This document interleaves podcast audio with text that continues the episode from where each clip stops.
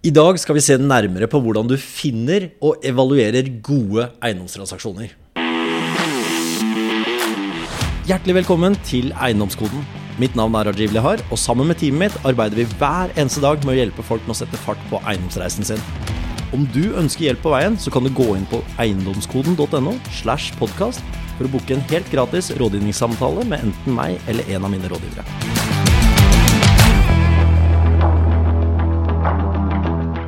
Du kjenner deg kanskje igjen med at du driver og søker og søker på f.eks. finn.no og aner ikke helt hva man ser etter.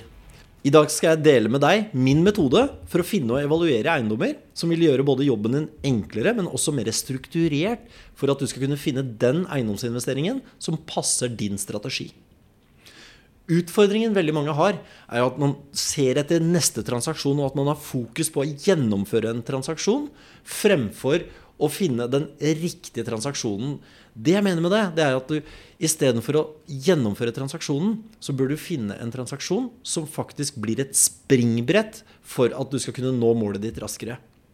Veldig ofte så bruker man kanskje opp all kruttet på den neste transaksjonen. Altså at du bruker opp egenkapitalen, du bruker opp finansieringsbeviset, og så gjør du transaksjonen, men så står du litt fast i en god tid. Det vi skal ha fokus på, det er jo også å ha en transaksjon som blir et springbrett til neste. Som kanskje både bygger track recorden din, som du kan gå til banker med tanke på finansiering, og ser at du har gjennomført et par transaksjoner. Det andre er jo kanskje å finne ut at den neste transaksjonen din er ikke den endelige transaksjonen.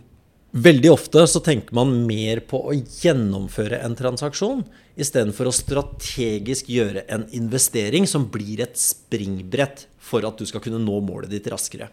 Det jeg mener med det, er jo at for det første så er ikke den neste transaksjonen den endelige transaksjonen. Og det er det som kanskje skiller når du skal se etter eiendom som du skal bo i, versus å kjøpe en eiendom for å kunne investere. Veldig ofte så bruker man kanskje opp all kruttet på den første transaksjonen man gjør når man er i startfasen. Det vil si at du kanskje bruker opp all egenkapitalen tilgjengelig. Du går litt for høyt i budrunden fordi du blir revet med av følelser. Eller at du kanskje har brukt opp finansieringsbeviset. Og det er en veldig naturlig måte å tenke på. For hvis man da ikke klarer å skille mellom det å investere og det å kjøpe privat for å bo deg selv, eller at målet faktisk er å gjennomføre en transaksjon, istedenfor at det er en strategisk eiendomstransaksjon som fører deg nærmere ditt mål. Det vi skal se på i dag, det er jo hvordan du skal kunne finne og evaluere eiendommer. Dvs. Si noe som faktisk fører deg nærmere ditt mål. Det første man starter med, det er jo faktisk gått i litt dybden på tidligere podkaster også, det er at du er nødt til å finne ut av hva målet ditt er. Du er nødt til å finne ut av hvor du er hen i dag, for så også definere hvor du skal hen, og finne ut av hvilket kjøretøy du skal bruke for å komme deg raskest mulig til målet. En av de tingene som man definerer der sånn, det er jo om du skal bygge kapital. F.eks. om du skal gjøre én til to transaksjoner i året eller annethvert år som bygger opp kapital, f.eks. ved å utvikle en eiendom. At du kjøper en eiendom, skaper verdi, for så å selge med en profitt. Enten i form av f.eks. flippe en eiendom, flippe en leilighet, et hus, en tomannsbolig. Eller å utvikle f.eks. skille ut en tomt og bygge ut, og så selge den eiendommen. Den andre døra på investeringshuset det er jo kontantstrøm, altså cashflow. Den er mer retta mot f.eks. utleie. Kjøpe, øke i verdi, refinansiere ut kanskje deler av egenkapitalen eller det du har investert. For så også leie den ut, og på den måten sitte og beholde eiendommen. Og kunne generere da inntekter som dekker kostnadene på den. Begge disse vil ha hver sin strategi. Og det er først når du har den strategien, at du kan begynne å låse deg inn mot den lokasjonen du bør se etter eiendommer. Hvis du f.eks. skal utvikle en eiendom, så ser man jo veldig ofte på omsetningshastighet. Hvor raskt kan man omsette den? Hvor raskt kan man selge den? Og ikke minst hva slags type pris. For hvis, Det vil jo avhenge av f.eks. tilbud og etterspørsel. Hvis det er veldig høyt til, altså veldig mye tilbud og veldig lite etterspørsel, så har det en tendens til at boligprisene kanskje er noe lavere i det området. Det man ønsker f.eks. ved boligutvikling, det er også å ha både høy etterspørsel, men også lav tilbud. På den måten så får man maks utbytte av skal vi si, den investeringen, og, og kan selge for høyere pris. Det er kanskje ikke det samme tilfellet om du har en strategi på å bygge opp kontantstrøm. Når du skal bygge opp kontantstrøm, f.eks., så er det jo å se på greit, hvor får man maksimalt utbytte i forhold til utleiepris. Og da må man sammenligne med hva man kjøper eiendommen for. Så hvis man da f.eks. skal um, gå for det med bokollektiv, som veldig mange er interessert i, for det er potensielt høyere kontantstrøm versus kjøpspris, da ser man ofte etter det jeg kaller for hub, altså hospitals, universities and business centers. Det vil si, er det et sykehus i området, eller er det en, et universitet eller en høyskole, eller har du et business center, altså et sted hvor veldig mange bedrifter har etablert seg, og på den måten også tiltrekker seg både ansatte, men også f.eks. innleid arbeidskraft.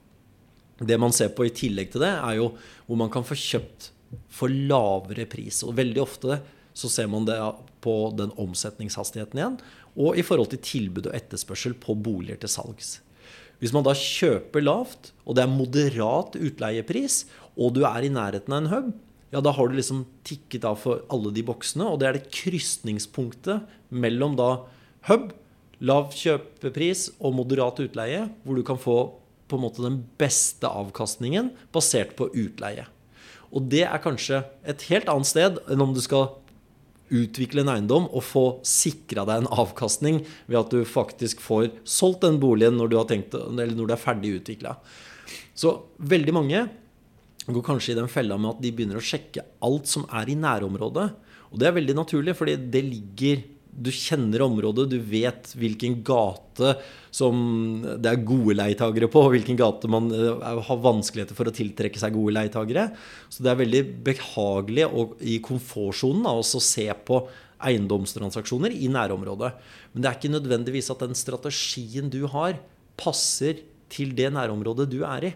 Så kanskje man må begynne å se litt ut av sitt eget nærområde for å få en strategi som passer. Derfor så alltid start med å finne ut av hvor er det du er hen, hvor ønsker du å være, hvilken strategi er det som passer deg og din livsstil og din målsetning, og ikke minst hvilke type kjøretøy du ønsker å bruke for å komme deg til målet. Ønsker du å ta et lite skritt av gangen og bygge deg opp over 5-10-15-20 år kanskje, og bygge opp kanskje en liten portefølje som kan gå i arv, eller ønsker du å virkelig brette opp armene, gå ut der og gjøre jobben, og kanskje begynne å leve av eiendom på kortere tid, altså alt fra to til tre, kanskje fire år. Det vil definere hvor i landet du bør se etter eiendommer. Det jeg pleier å bruke som en evalueringsmetode, er egentlig veldig likt det eiendomsmeglere, banker, forsikringsselskaper bruker. De har et, de har jo sine egne verktøy som sammenligner da solgte eiendommer eller eiendommer til utleie. Og vanlige dødelige mennesker som deg og meg har kanskje ikke tilgang på disse verktøyene. Men vi har veldig mye der ute som det går an å bruke. Som f.eks. finn.no og Eiendom Norge. Eiendom Norge har veldig mange gode statistikker som de kommer ut med hver eneste måned, som viser litt om boligmarkedet i ulike deler av landet, og som landet som en helhet. Statistisk sentralbyrå har veldig mange gode statistikker på utleiepriser versus husholdning, hvor, altså husholdningskostnader, og ikke minst uh, befolkningstetthet etc. Og det, jeg syns det er kjempeinteressant å bare finne ut av ting og lære mer. Hvordan, hvorfor vokser den ene byen? Hvorfor har den høyere priser enn en annen by som egentlig har samme innbyggertall, men kanskje tiltrekker seg mer pga. et eller annet? Det kan f.eks. være at man skal bygge ut en ny toglinje, eller at det skal bygges et nytt sykehus, eller at universitetet har tenkt å ekspandere til den ene byen f.eks., som gjør at markedet kan endre seg når det kommer til f.eks. enten utleie eller salg. Veldig ofte så havner vi i situasjoner hvor vi hjelper da venner og familie eksempel, med å se etter eiendommer, eller hvordan man skal være strategisk i budrunder etc. Så jeg skal ta med deg på den samme reisen som jeg har med de jeg pleier å hjelpe inn på eiendomsmarkedet. Veldig ofte så begynner man bare Tenk enkelt, Gjør det enklest mulig, billigst mulig for deg selv, men det viktigste er at du gjør ting strukturert. Uansett om du skal kjøpe bolig til privat eie, eller om du skal gjøre det som en investering, utleie eller utvikling. Veldig ofte bruk f.eks. Eh, Google. Det er gratis verktøy. Lag deg en gmail-adresse, for da har du tilgang på noe som heter Google Drive. Google Drive, da har du tilgang på Excel, Word, PowerPoint osv. Bare da i form av Google-format. Det er gratis, og du har tilgang på det på en smarttelefon til enhver tid. Da lager du ulike kolonner i det Excel-arket. Første du legger inn, er adresse. Det andre er prisantydning, som du har funnet på finn.no. Du legger inn kvadratmeteren, pris per kvadratmeter. Det finner du på finn.no, hvor du går på noe som heter prisstatistikk. Der ser du hva eiendommen ligger ute til per kvadratmeter, og hva andre eiendommer har blitt solgt for i samme område per kvadratmeter. Så hvis det er til utleie, så kjøper man basert på per kvadratmeter pris.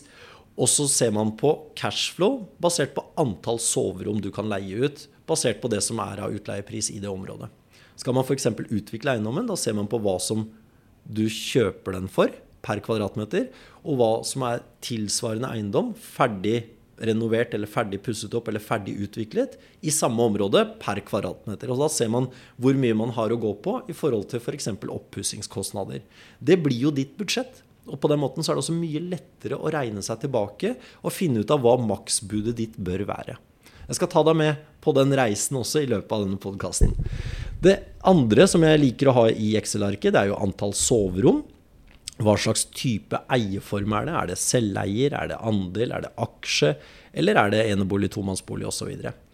Uh, og så vil jeg gjerne ha en kolonne hvor jeg skriver om den er solgt eller ikke. Og hvis du finner ut av hva den er solgt for, og det kan man gjøre ved å f.eks. ringe megleren som var ansvarlig megler på den uh, annonsen, og så høre hva den faktisk ble solgt for, og så fyller jeg inn det. Det gir meg en indikasjon på hvordan budrundene i det området har gått. Det andre som er veldig, veldig lærerikt med å lage dette Excel-arket for deg selv, det er jo når du begynner å trekke en del eiendommer, så kan du begynne å sammenligne de. Og det aller, aller beste, som har skjedd flere ganger når jeg har gjort det her, det er jo da at jeg plutselig ser samme eiendom ute på markedet igjen. Og da er spørsmålet har den vært solgt i mellomtiden, og så har den blitt pusset opp og lagt ut for salg igjen? Eller har de faktisk ikke klart å selge den? Og har de ikke klart å selge den, da begynner det å bli interessant. I hvert fall hvis du ser at det har vært en prisjustering. Den har blitt tatt av fra markedet og kommer seg på markedet igjen. Da kan det tenkes at selger er kanskje mer desperat på å bli kvitt den. Kanskje det går an å forhandle på pris. Kanskje det går an å diskutere direkte med selger. Det åpner opp for plutselig flere forhandlingsmuligheter. Så det å lage et Excel-ark, ja, det tar tid. Kanskje det er kjedelig for deg, kanskje du hater Excel, men det gir deg en oversikt og et overblikk. Og samtidig så lærer du så utrolig mye underveis. Fordi det jeg ønsker at du skal gjøre i en av kolonnene, det er å skrive verdiskapning. Verdiskapning er der du må tenke, prøve å finne ut av hva er det du kan gjøre med den eiendommen for å tilføre den verdi. For hvis du har tanken på å tilføre verdi, og du kan fysisk forsere verdiskapning, så har du muligheten til å faktisk presse eller tvinge verdien på den eiendommen opp, uavhengig av hvordan markedet går. Og Her kommer det litt an på hvordan type risikoprofil du har. Er du risikoavers, sånn som jeg? Jeg liker ikke å ta for høy risiko. Så de eiendomstransaksjonene som er potensielle for meg, er færre enn en som f.eks. er villig til å ta mer risiko. Så etter å ha kanskje analysert 100 transaksjoner, da, så vil en person med høyere risikoprofil ha tilgjengelig kanskje 15 transaksjoner, mens jeg kanskje bare har to eller tre transaksjoner. Så det å lage et sånt oversiktskart på tilsvarende eiendommer, eller på eiendommer som du har evaluert, på ett og samme sted, gjør at du kan ta gode beslutninger og raskere beslutninger. For du har alt foran deg. En annen verdi med å ha gjort denne jobben, det er jo da at jeg har brukt det opp mot banker. Når jeg går til banken, og de ser at jeg har kanskje evaluert 40 eiendommer på denne måten, gjør at jeg skiller meg ut fra den personen som bare har kommet med et, en serviett med en tanke om å kjøpe en leilighet som de skal bare leie ut. Her, her, viser jeg for bankrådgiveren eller for investoren eller for partneren på at jeg har gjort en grundig jobb.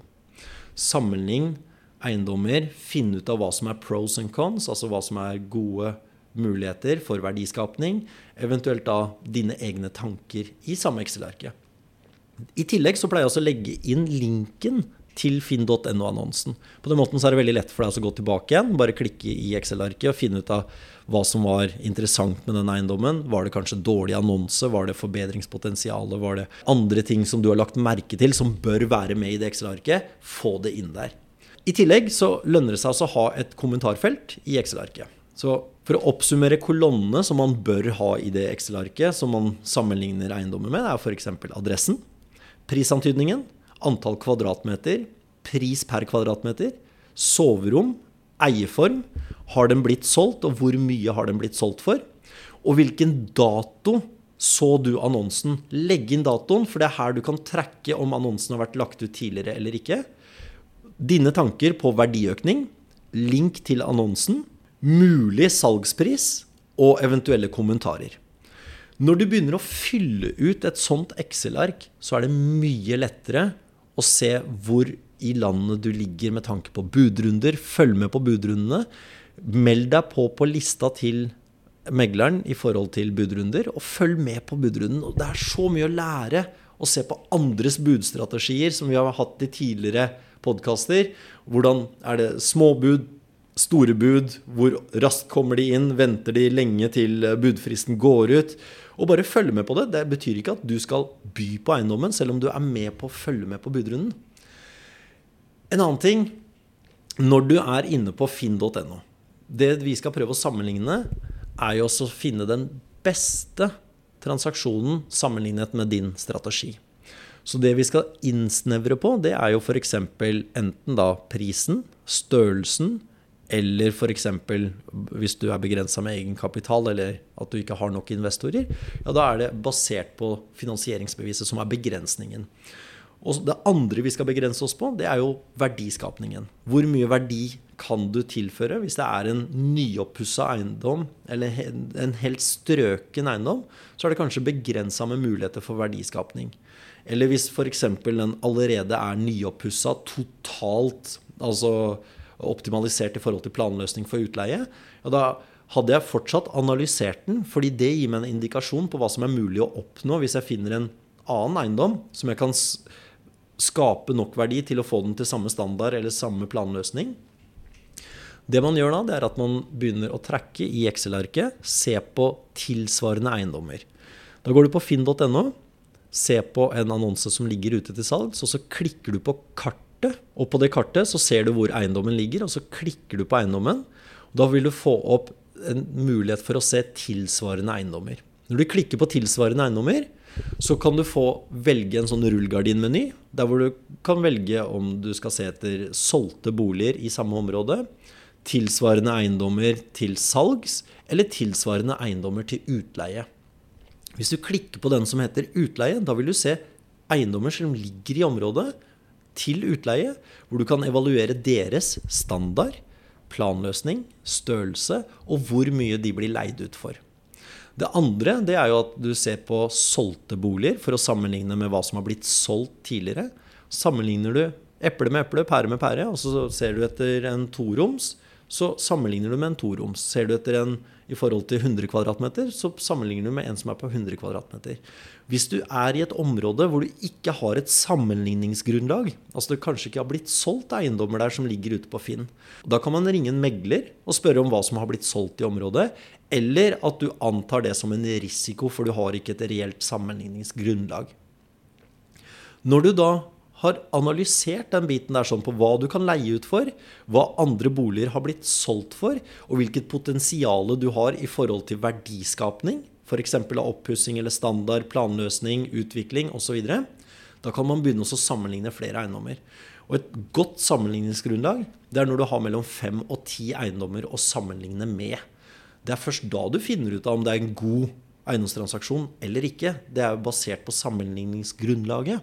Og verdiøkningspotensialet.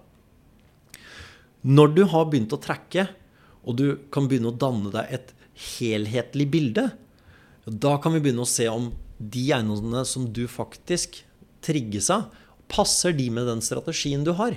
Får de deg nærmere til målet ditt? Og blir det et springbrett til neste transaksjon? Eller låser du deg fast f.eks. i to til tre år? Da må du beregne det. Okay, Er du villig til å låse deg fast i to til tre år fram til du kanskje har bygget opp nok egenkapital igjen, eller fram til du har kanskje bygget opp mer ekstrainntekt som kan gi deg høyere finansieringsbevis f.eks.? Og det er evalueringer som er veldig greit å ta som en investor. Så igjen, du må skille på om du skal kjøpe en eiendom for å investere, eller kjøpe en eiendom for å kunne bo deg selv. En annen ting du kan gjøre, det er jo som sagt å dra på visninger. Lag investeringskalkyl, altså investeringscaser. Uavhengig om du har tenkt å kjøpe den eiendommen eller ikke. Det spiller ingen rolle, men øvelse gjør mester. Jo flere eiendommer du evaluerer, jo mer lærer du. Og hele poenget er at du skal kunne bli mer og mer kreativ når det kommer til verdiskapning. Hvis du låser deg fast f.eks. i at ja, 'jeg har ikke nok finansieringsbevis' eller 'jeg har ikke nok egenkapital', da har du allerede drept kreativiteten. Så ikke begrens mulighetene. Men om du hadde hatt finansieringsbevis, eller om du hadde hatt egenkapitalen til å kjøpe den eiendommen, hva kunne du ha gjort med den? Det trigger mer kreativitet. Det trigger at du faktisk tenker som en investor. For Plutselig så kan det være en transaksjon det har skjedd veldig mange ganger med meg, hvor jeg har sett en transaksjon hvor jeg ikke har hatt finansieringen på plass, jeg har ikke hatt egenkapitalen på plass, men jeg har fortsatt evaluert den. Og så viser det seg at det er en knalltransaksjon. Ja, men vet du hva, Da går man ut og finner en eller annen med finansieringsbevis, finner en eller annen med egenkapitalen, og så gjennomfører man en transaksjon f.eks. med i et partnerskap, og så deler på profitten. Så hvis man da allerede der har sagt vet du hva, jeg har ikke nok egenkapital, har ikke nok finansieringsbevis, da har man egentlig drept den muligheten før du har begynt å evaluere den. Har du spørsmål, finn noen som har gjort en tilsvarende transaksjon. Lær av dem hvordan de gjennomførte den. Og på den måten øke den kreativiteten og evnen til å kunne se muligheter. En annen ting er jo det å dra på visninger. Jeg elsker å dra på visninger, for jeg lærer meg ting. Jeg ser andre muligheter, andre løsninger på plantegninger. Jeg lærer av megleren. Megleren kan komme med ideer, og jeg spør alltid megler du, hvis jeg, hvis jeg kjøper denne, og jeg har tenkt å skape mer verdi i denne eiendommen, hva kunne jeg ha gjort? Og megleren har veldig ofte solgt veldig mange eiendommer i området og vet hva som kan bli solgt, eller hva som kan bli leid ut. Og man på den måten lærer seg å bygge opp egen erfaring og kompetanse. Det koster ingenting å dra på visning, annet enn tid og kanskje kjøring. Det koster ingenting å være med på budrunder og følge med på det. Det kan ha litt tid, men det er mye lærdom i det. Og det å lage et oversiktsbilde og et sammenligningsgrunnlag i et så enkelt verktøy som f.eks. Google Sheets, og bare sammenligne og følge med på eiendomstransaksjoner, er kanskje det som kommer til å gi deg mest utbytte. For da lærer du, da tracker du, da gjør du noe aktivt. Du er fremoverlent. Du prøver å sammenligne Prøv å finne ut av hva er det som er fordeler, ulemper med de ulike transaksjonene. Og det er ikke skrevet i stein at du skal kjøpe de du evaluerer. Og her er det veldig mange som snubler i startgropa. For de gidder ikke å gjøre jobben, de gidder ikke å legge ned arbeidsinnsatsen. Eiendom er ikke noe som man kan bli rik over natta. I de fleste tilfellene. Noen har blitt det, men i de fleste tilfellene så krever det arbeid. Det krever egeninnsats. Det krever at du faktisk går ut og gjør den jobben. Det jeg ønsker, er at du skal gjøre den jobben men med de riktige verktøyene. Det jeg ønsker, er at du skal gjøre det sånn at du skal kunne både te deg som en profesjonell aktør og tenke som en investor, og på den måten gi deg det best mulige grunnlaget. Jeg håper du fikk noe inspirasjon, nye ideer, nye tanker, kanskje litt motivasjon i denne podkasten. Det var i hvert fall min hensikt. Og det er vanskelig å putte alt av kunnskap, erfaring og kompetanse inn i en podkastepisode, men jeg prøvde mitt beste. Jeg håper virkelig du syns det var givende, og det kanskje ga deg en liten trigger, kanskje en liten ny idé som du kan spinne videre på. Igjen, tusen, tusen hjertelig takk for at du lytter på, og håper at denne episoden var lærerik for nettopp deg. Som alltid, ikke glem å abonnere på denne podkasten der du lytter på podkaster. Og vær så snill, legg igjen en kommentar og gjerne en rating. Det hjelper oss til å nå ut til flere og kunne hjelpe enda flere mennesker.